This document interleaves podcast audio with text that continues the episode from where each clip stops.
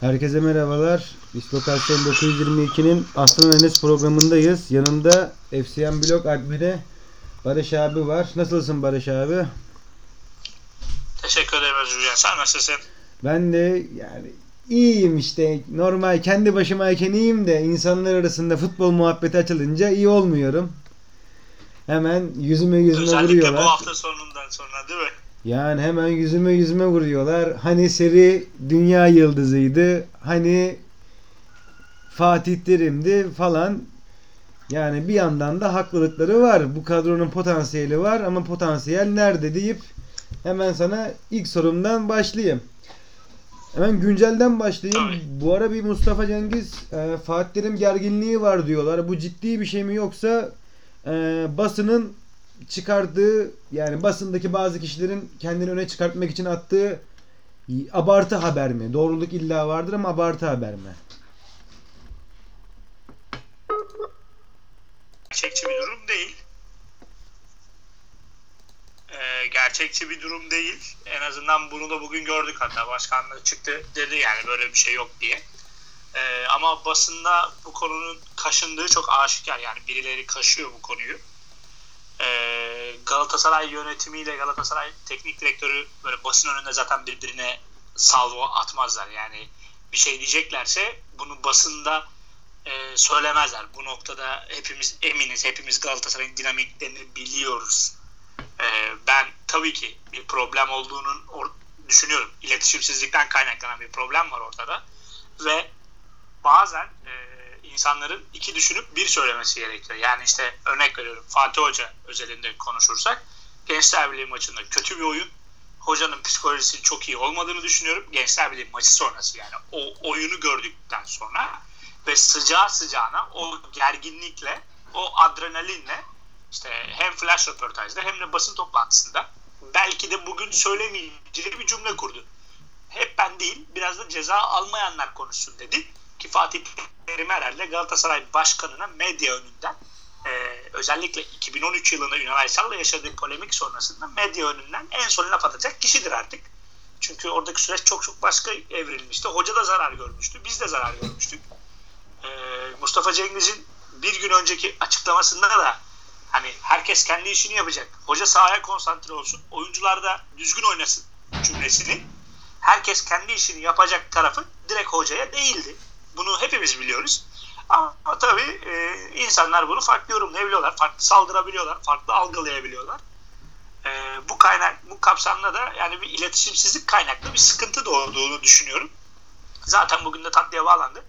E, biz bu konuda dün akşam e, YouTube kanalında yayındayken hani hocayla Mustafa Cengiz bir toplantı yapmışlar ve daha biz yayından çıkmadan ben yayında şey söylüyordum. Yani bu tamamen böyle yaratılmak isteyen suni bir gündem. Suni bir algı. Buradan kimseye ekmek çıkmaz. Boşuna kimse ümitlenmesin diye söylemişken 10 dakika sonra hani Mustafa Cengiz'in ağzından e, çıkan bazı kelimeler var işte bazı cümleler vardı. Hani görüşme gayet olumlu.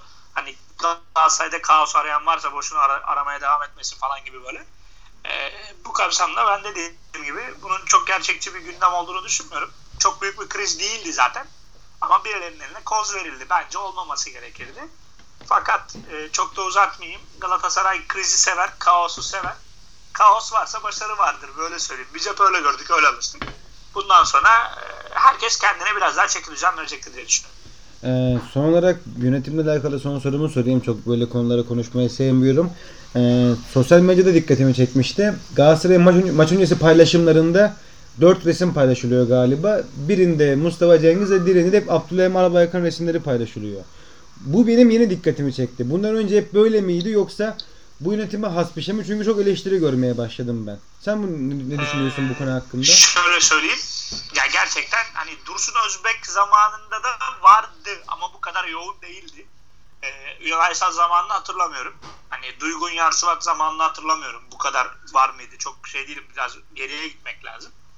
Ee, ama Dursun Özbek zamanında da başlamıştı bunlar böyle bu kadar eskin olmasa da şu anda Galatasaray resmi hesabını işte karşılaşmanın ilk yarısından kareler dediği fotoğraflarda ilk dört fotoğraf sırasıyla Başkan, Abdurrahim Bey, Yusuf Bey, Fatih Terim ve takımın ilk 11'i ilk 4 fotoğraf bu şekilde geliyor. E, bunu artık şeye bindirdiler. Rutine bindirdiler. Hoş değil. Yani insanlar zaten takımın oynadığı oyundan dolayı biraz tepkili ve siz ısrarla kendi PR'ınızı yapıyorsunuz. Yani Galatasaray Twitter hesabı 8-9 milyonluk bir hesap. Keza Instagram hesabı, YouTube hesabı da öyle. Hani e, tabii ki başkan paylaşılması, kimse haber vermesin diye bir şey demiyorum. Ancak e, her fotoğrafta da yani karşılaşmanın ilk yarısından önemli kareler minvalindeki her fotoğrafta da e, Mustafa Cengiz'i, Abdurrahim Albayrak, Yusuf Bey veya hani şöyle söyleyeyim ben e, Fatih Terim'in de yedek kulübesinden bir fotoğrafının ilk fotoğraf olarak olmasını istemem. Takımdan birkaç fotoğraf görelim ondan sonra hepsini görelim. Sıkıntı yok. Bakın fotoğrafları koymasın demiyorum. Tabii ki konulacak. Yani Galatasaray Spor Kulübü Başkanı eğer bir maçı protokolle izliyorsa bunun fotoğrafı konur. Çok normal bir şey.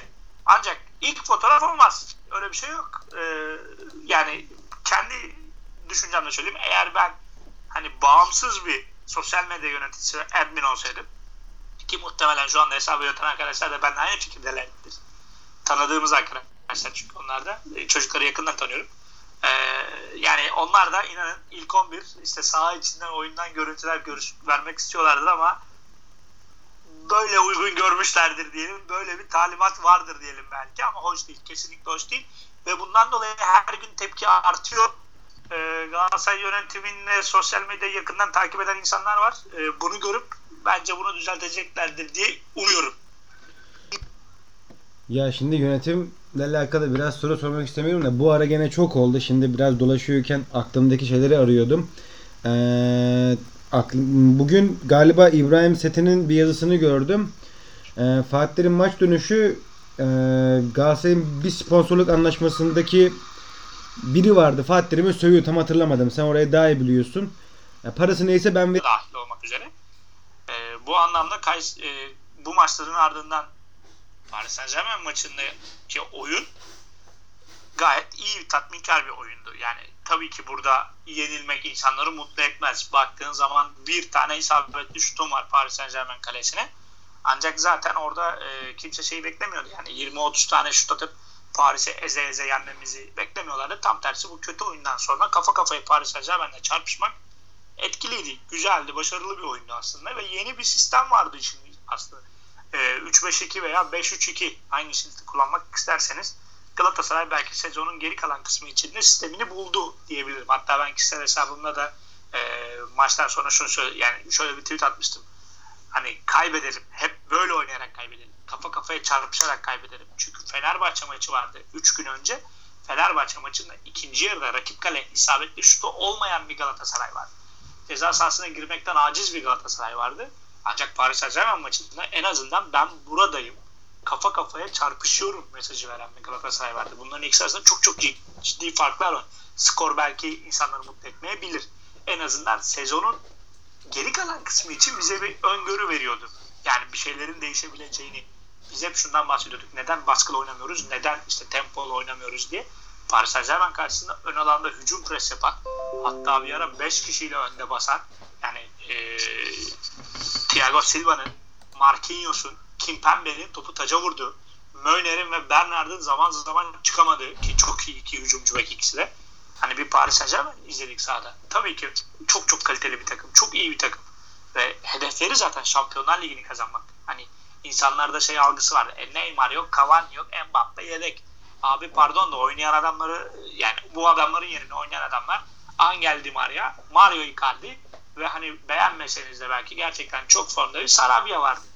Hani bu anlamda Paris güçlü bir rakip, iyi bir rakip. Ama insanları bence mutlu eden nokta o hafta sonu oynanan Fenerbahçe maçından sonra Paris Saint Germain maçındaki tepkiydi. Aynı tepkiyi ben Gençler Birliği maçında da verebilirim. Gençler Birliği maçında da gerçekten kötü bir takım vardı sahada.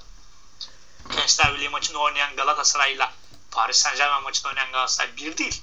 Yani iki oyunu karşılaştırdığın zaman çok ciddi bir fark var. Ee, bu anlamda belki sezonun kalan kısmını kurtarabilirdik Paris Saint Germain maçıyla. Ama oradaki ilk 11 e, devamı maalesef gelemedi sakatlıklar nedeniyle. Ama bence bize bir ışık, bize bir öngörü. Ben milli aradan sonra sağlıklı bir ilk 11'in kurulacağını ve bu şekilde de e, takımın yoluna devam edeceğini düşünüyorum. Ee, peki şu an Galatasaray'da oldukça popüler olan bir durum var. Yaklaşık bir, bir buçuk senedir, iki senedir var. Ee, sana da sormak istiyorum yani bunun yöntemini biliyor musun? Santrafor nasıl topla buluşturulur? Ee, yani güzel bir soru aslında. Bence bu sorunun cevabı bizi şampiyon yapacak cevaplardan biri eğer uygulayabilirsek. Yani ya bir merkez oyunumuzun olması lazım ya bir kenar oyunumuzun olması lazım. Ancak biz bu ikisini de yapmıyoruz. Santrafor nasıl topla buluşturulur sorusunun cevabı yani Radamel Falcao'yu veya Andone'yi bir kere buluşturmak değil. Ee, bu keza şöyle bir durum var.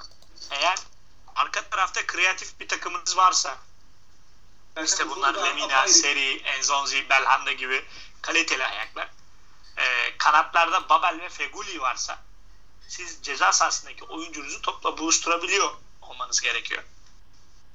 Ee, nasıl buluşturulurun adı aslında biraz basketbola kaçıyor. Yani basketbolda takımlar nasıl e, bir set oyun oynuyorsa futbolda da oynama, oynuyorlar. Futbol oynayan örnekleri çok var. E, bence bu anlamda bizim ihtiyacımız olan da bu. Yani biraz takım koordinasyonunu yapmamız lazım. Bu kadar durağan oynamamamız lazım. Ve e, artık şimdi mesela Falcao hava kuvvetleri iyi olan bir oyuncu. Hava gücü iyi olan bir oyuncu. Ancak kusursuz değil bu noktada. Falcao için örnek veriyorum. Kenar orta oyunu yerine kenarda ya da merkezde içeri kat ederek ceza sahasına ara pas atarak savunma arkası kaçırarak bir oyun Falcao ceza sahasında hayli hayli topla buluşturur. Ee, Falcao'nun Gençler Birliği maçında kadroya alınmaması da eleştirildi. Falcao sakatlıktan dolayı mı alınmadı yoksa e, taktik gereği mi Ankara deplasmana götürülmemesi yüzünden mi Gençler Birliği'ni hafife aldığımızdan dolayı mı neyden dolayı Falcao oynanmadı ki ben burada eleştiri yapıyorum. E, Falcao yani Monaco'da şampiyon yani 3 kulvarda da oynamış bu oyuncu. 3 günde bir maç yapmış bu oyuncu. Yani Türkiye'ye gelince mi işler değişti yoksa sakat mı oyuncu? Ee, şöyle bildiğim kadarıyla fizik olarak çok hazır değil bu sene. Ee, keza yani Monaco'da ligin ilk haftalarında da oynamadı transfer sürecinden dolayı vesaire. Sampdoria ile oynanan hazırlık maçında takıma katılmıştı ve orada attığı golle de işte sezon öncesi turnuvada takımını şampiyon yaptı. Ee, ancak Monaco ile de iyi bir kamp yemedi. Hani Monaco'ya sonradan katıldı takıma. Ee, ben Falcao'da hani öyle bir işte deplasmana gitmem oynamam nazı olduğunu düşünmüyorum ki oynamaya çok istekli geldiğini de görmüştük hepimiz. Ee, sakatlığı olabilir. Fiziki olarak gerçekten bir problem olabilir. Hani bu konuda resmi siteden gelen açıklamayı dikkate almak zorundayız. Onu kale almak zorundayız. Hani ben Falcao'nun öyle bir hani Didier Drogba'nın ikinci sezonundaki ikinci yarıda olduğu gibi yani deplasmana gitmem işte örnek veriyorum oynamam şey yapmam diye bir şey düşün, düşünmüyorum yani. Kesinlikle bir sakatlığı var olduğunu düşünüyorum ki e, yapılan resmi açıklamada da Aşil tendonu ile ilgili bir sakatlık yazıyordu. E, aşil biraz sıkıntılıdır. Hani çok ağrı yapar insanlarda. E, o konuda sanırım ne denir? E, Falcao ile ilgili Kolombiya basınında bir haber vardı diye hatırlıyorum. Hani sakatlığı çok ciddi değil diye ama hani evet sakatlığı zaten çok ciddi değil. Ee, ama ben dediğim gibi yani zaten fizik olarak çok iyi bir durumda gelmedi. Hoca da bunu söylüyor. Hatta zaman zaman Falcao takımdan ayrı salonda özel çalışıyor. Bartali ile ve kondisyoner ekibiyle. Ee, milli aranın ona iyi geleceğini düşünenlerdenim. Kolombiya kadrosunda da görmemiştim. Yani yoktu kadro zaten sakatlığı sebebiyle yer almadı diye biliyorum. E, bu anlamda da yani milli aradan sonra fizik olarak daha iyi bir Falcao göreceğiz. Ben ama Gençler Birliği maçında bir taktik ya da şey olduğunu çok düşünmüyorum. Ee, Gençler Birliği maçında Fatih Terim'le bir Yener İnce arasında iddia, geçtiği iddia edilen bir diyalog var. Bu ne kadar gerçekçi bir diyalog? Ben bunun çok gerçekçi olduğuna inanmıyorum. Böyle haberler niye yapılıyor onu da hiç anlam veremiyorum. Ee, ya orada şu aslında hani diyaloğun içeriğini bilemem. Hani sonuçta orada değiliz. Şahit değiliz diyaloğa. Ancak orada şey doğru. Yani e, Gençler Birliği maçını izledin mi bilmiyorum ama İzledim. e, so Feguli çıktıktan sonra hani hoca neyin var diye bir serzeniş yani ne oldu diye sordu. Feguli de iyiyim gibi bir cevap verdi. Ondan sonra hoca direkt kenara döndü. Hani nasıl yani gibisinden. Hani sonuçta hocaya sakat devam edemeyecek diye bir bilgi geliyor. Feguli'yi çıkarttık. E, adam kenara geldi. Dedi ki iyiyim. Bir şeyim yok. Niye çıkarttınız beni dedi. Yani hocanın da direkt dönüp böyle Levent Hoca galiba. Levent Şahin olması lazım. Hani dönüp nasıl oldu bu iş deyip Yener İnce ile Levent Şahin'e bir döndü. Ee, ya orada muhtemelen bir iletişimsizlik oldu. Hani ama şey değil tabii ki hani bu speküle edilebilecek işte kriz varmış, kaos varmış gibi yaratabilecek bir şey değil. Ama bir iletişimsizlik olduğu kesin. Yani ya yanlış anlaşılma var orada. Hani devam edebilir belki devam edemeyecek diye anladılar. E, çünkü he, değişiklik doğru mu sorusunu e, tartışırız. Sabaha kadar tartışırız. Ama Fal, e, Feguli kenara geldikten sonra orada Falcao diyordum özür dilerim. E, Feguli kenara geldikten sonra hani niye çıktım gibi bir şey yaptı. E, birkaç da görüntü var bununla ilgili. Hatta e, çok sevdiğimiz bir Galatasaray'la foto muhabir arkadaşımız Uğur da Uğur Şempire veya Twitter adıyla foto arana hani o da maç sırasında yazdı. Feguli ile Fatih Hoca sağ tartışıyorlar, konuşuyorlar diye. Ee, o diyalog yani yazıldığı kadar olmasa da muhtemelen gerçek. Yani şey olarak gerçek. Yani hocam niye çıktım? Oğlum sakatsın. Hayır sakat değilim. Şeklinde bir diyalog var muhtemelen orada. Ee, şimdi... Ya bu mesela şu kenar yönetiminin e, araya giriyorum özür dilerim lafını kestim ama bu evet. bile kenar yönetiminin çok konsantre olmadığını gösteriyor. İşte ben de bunu diyecektim. E, Fatih Terim'in olduğu yerde ya Fatih düzen nizam seven her şeyi ondan bilim her şeyi o düzenler her şeyi o bilir. İşte Fatih cezası varken bir takım haberler vardı ve e, Levent Şahin'e bir yüklenme vardı. Ben sana bunu da sorayım. E, bu değişiklikleri Levent Şahin kendi inisiyatifle mi yapıyordu o zamanlar yoksa Fatih e, emri demeyeyim de yani Fatih taktikleri miydi? O ara bir Levent Şahin'e yüklenme vardı. Ne kadar gerçekçi o? Yani şöyle söyleyeyim orada bir günah keçisi olarak Levent Hoca'yı belirlemek de çok da doğru değil. Hani eleştirenlerden biri de bendim. Ama hani şöyle söyleyeyim yani e, Levent Hoca orada kafasına göre şeyler yapamaz. E, sonuçta yukarıdan ya bir fikir alma ya bir talimat hani adına ne demek istersen artık e, sorulur veya işte örnek veriyorum çıkartın onu der. Hoca yukarıdan çünkü yani artık teknoloji çağındayız. WhatsApp, telefon, kulaklık aklınıza ne gelirse. Ee, bu anlamda ben Levent Hoca'nın orada hani çok yüklenildiğini düşünüyorum ama şunu da söyleyeyim. Ee, yani Galatasaray yardımcı teknik direktörü, yardımcı antrenörünün de biraz böyle sorumluluk alıp biraz böyle e, sağ kenarında daha iyi bir görüntü çizebilecek biri olmalı diye düşünüyorum. Yani oyunu da okuması gerek. Her şeyi hocadan beklememeniz gerek.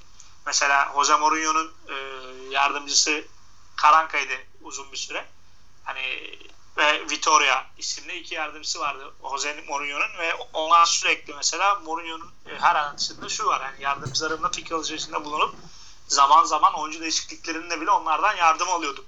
Çünkü hani siz maç atmosferinde her şeye fokuslanamayabiliyorsunuz. Ee, ben Galatasaray yedek kulübesinin bu anlamda biraz daha tecrübeli olmasını şey yapıyorum. Ümit, Hasan, Levent Hoca tamam kabul. Ama e, işte bak Fatih, Fatih Hoca olmadığı zaman e, kenarda biz geçen seneden beri problem yaşıyoruz. Yani bu seneye özgü bir şey değil bu. Bir önceki sezonda Fatih Terim olmadığında problem yaşıyorduk. Yani bir önceki gelişinde de Aysal zamanında Fatih Hoca'nın olmadığı maçlarda biz gene kenar yönetiminde problem yaşıyorduk. Yani hocanın yardımcı anlamında e, yetiştirebileceği bence genç antrenörler bir kenara biraz da tecrübeli yani hocaya ikinci ara olabilecek isimler lazım. Şimdi Levent Şahin'de şu vardı örnek veriyorum. E, bu eleştirilen anlamda değil. Malatya maçında benim çok dikkatimi çekmişti. Yani takım hata yapıyor. Çıkamıyoruz. Mariano Nagatomo gidip gelemiyoruz. Hani bir problem var. Levent Hoca kenarda şey gibi böyle Nasıl takımını motive eder gibi hadi beyler hadi beyler diye alkış yapıyor mesela. Yani bu e, çok normal bir şey değil. Orada biraz daha böyle ağırlığını verecek oyun kafasınız kenara döndüğünde kenara döndüğünde orada bir şey yani bir figür görmesi gerekiyor. Ee, bu anlamda ben Levent Şahin'in o, o figür olduğuna inanmıyorum ama tabii ki akademik olarak, teknik olarak, futbol bilgisi olarak gayet başarılı bir insan. Ona hiç şeyim yok. Eleştirim olmaz. Ee, ben biraz da e, Emre Mor'un Emre Mor neden o yani yedekten de olsa bir tek Gençler Birliği maçında girmişti. Bu zamana kadar biraz kulübede bekletildi. Ben Emre Mor'un biraz daha süre alması gerektiğini düşünenlerdenim. Sen bu konu hakkında ne söylüyorsun? Ee, ben de keza aynı fikri destekliyorum. Yani şu özellikle işte Ryan Babel'ın performansının düştüğü, Fegoli'nin performansının e, şu anda yukarı doğru değil aşağı doğru ivme kazandığı bir dönemde Emre'yi daha fazla rotasyona katmamız gerekiyor. Ee, yakın zamanda karı duşular olacak diye haberler türedi. Bu ne kadar gerçekçi? Ben çok beklemiyorum. Yani bu kadro dışı nasıl baktığınız önemli. Hani geçen sene hocanın işte Serdar'ı, Eren'i ya da Fenerbahçe derbisinde taraftar hakaret eden Sinan'ı kadro dışı bıraktığı gibi bir kadro dışı beklemiyorum. Yani tabii ki maç kadrosunda veya ilk 11'in dışında kalacak bazı isimler olacak. Şahsi beklentim en azından bir süre. Ee, şimdi yayını toparlayalım. Ee, işte de, milli takım arasına girdik. Yani umarım bir sakatlık bir şey olmayacak ve Galatasaray e, bu milli takım arasından güçlü çıkacak diyoruz. E, bundan sonraki maçımız Sivas'ta. Kendi evimizde yapacağız Sivas'ta Cuma günü. Sivas maçında Galatasaray nasıl bir diziliş ve ilk 11 ile bekliyorsun? Ve Galatasaray Sivas maçında santraforuyla artık Falcao mu olur, Andone mu olur, Donk mu olur, X kişi mi olur, kim olur? Nasıl topu buluşturacak? Bunu açıklayalım. Görüşlerini söyle ve bitirelim yayını. Sendeyiz Barış abi. Ee, şöyle söyleyeyim. Açık konuşmak gerekirse eğer milli aranın iyi geçtiğini ve herhangi bir problem olmadığını varsayarak geliyorum. Ee, hocanın takımla yapacağı toplantı hani bir bağırış çağrışlı geçecek bir toplantı olacaktır. Ondan sonra da takımın iki ihtimali var. Ya 3-5-2 Paris Saint Germain maçına çıktığımız minvalde bir kadro. Ee, ideal 11. İşte Muslera, Mariano belki sağ tarafta. Yani Mariano ve Nagatomo konusunda biraz şüpheliyim çünkü. Hani onları kesip çünkü hoca e, Belhan da dahil olmak üzere o üçüne bayağı sinirli galiba anladığım kadarıyla. Hani Feguli de olabilir haberlerden gördüğüm kadarıyla. Çünkü e, ama Mariano, Nagatomo ve Belhan da üçlüsü kesik yer mi şüphem var. E, orta merkez, savunma merkezi zaten belli. Marka, Luindama, Donk üçlüsü. Önlerine Belhanda'yı kestiğini kabul ediyorum. Seri, Enzonzi, Lemina. Kanatlarda Babel Feguli. Babel'i yine diye tahmin ediyorum. Ve Falcao. Hani peki Mariano Nagatomo ikilisi yerine kim oynar? Şener'le Ömer oynar. %90. Ee, eğer hoca bir mesaj ve Gençler Birliği maçındaki o kötü oyunun hesabını soracaksa normalde böyle bir ilk 11 bekliyorum. Ancak e, herkes kendine gelsin. Çıkın adam gibi oynayın diyecekse yine klasik düzende ancak taraftar desteğiyle beraber daha coşkulu bir Galatasaray bekliyorum.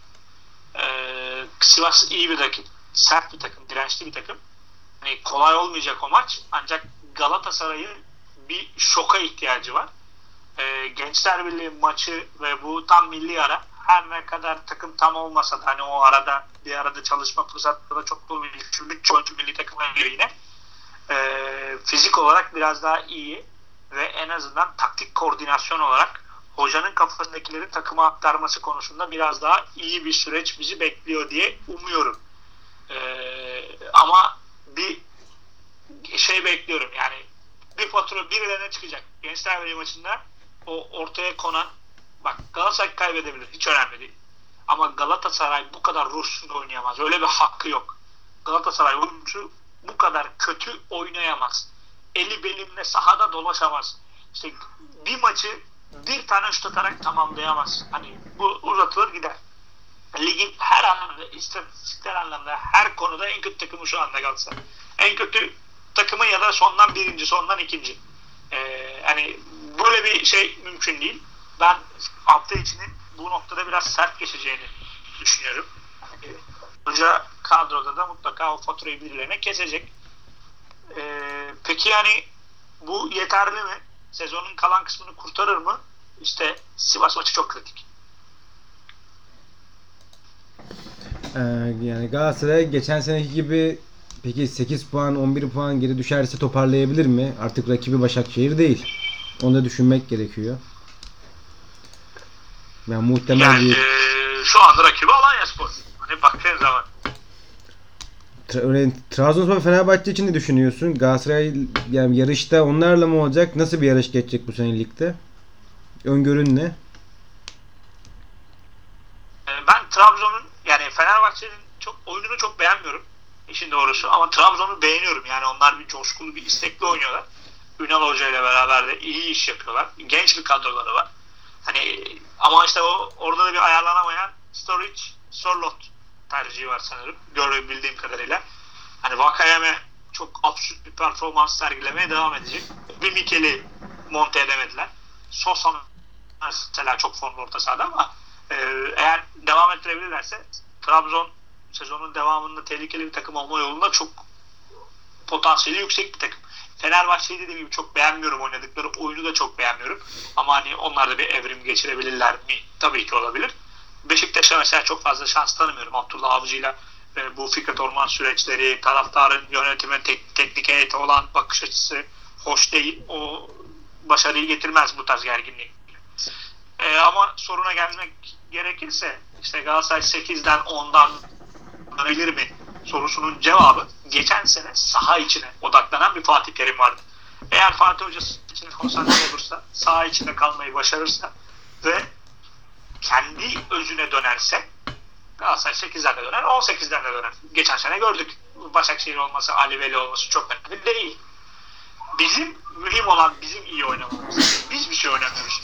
Ben şu anda eee hiç kimseyi suçlayamıyorum. Mesela Gençler Birliği maçında Halil Umut Meler 90'larda Belanda'nın pozisyonu yedi.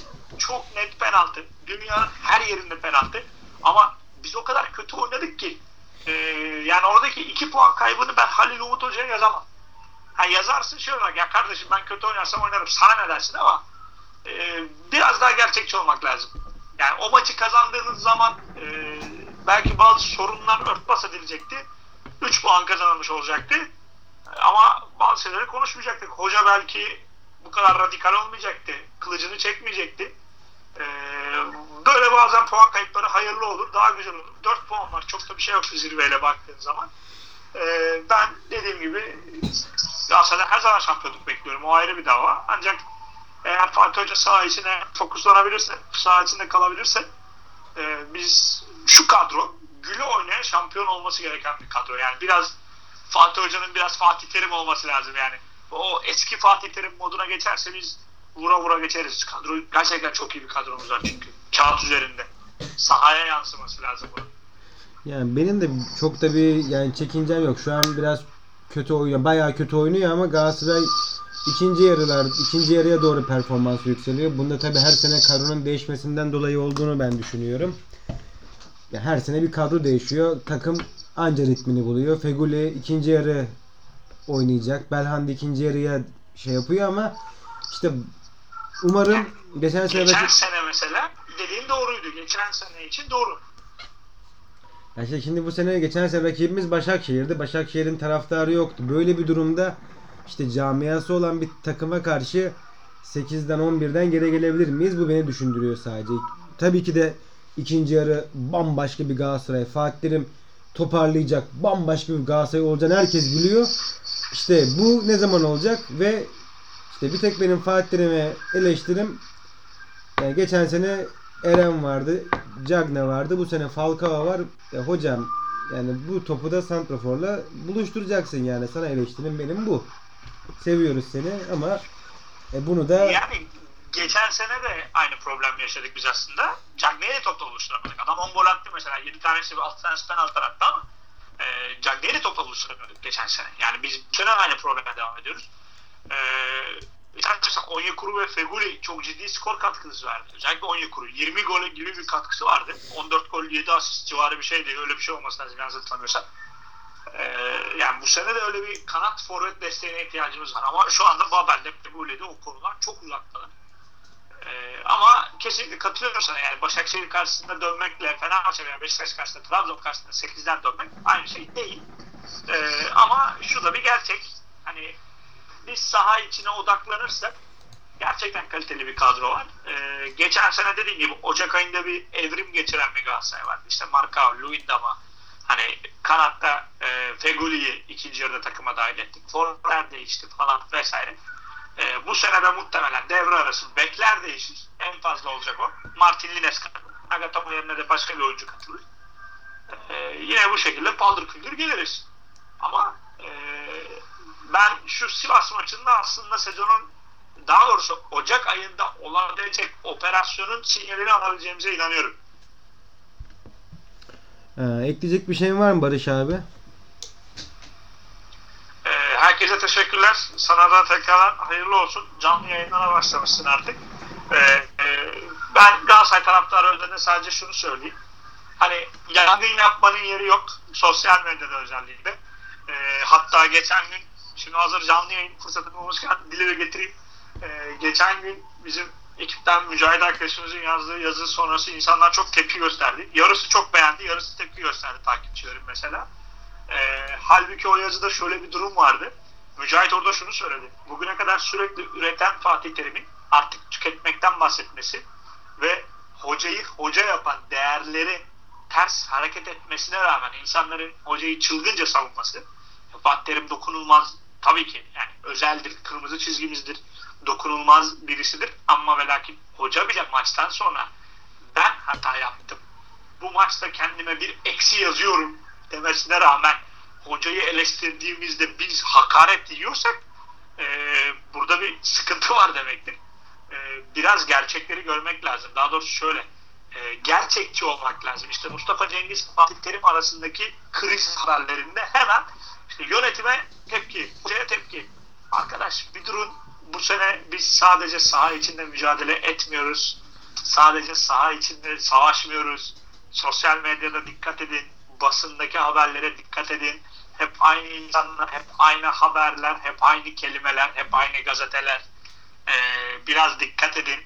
Yani birilerinin niyeti hocayı olabildiğince sahadan uzaklaştırmak. Hani hocaya sahip çıkın, takıma sahip çıkın dememizin sebebi bu. Ee, biz bir arada olduğumuz zaman Galatasaray olarak mutlaka şampiyonluğa ulaşırız.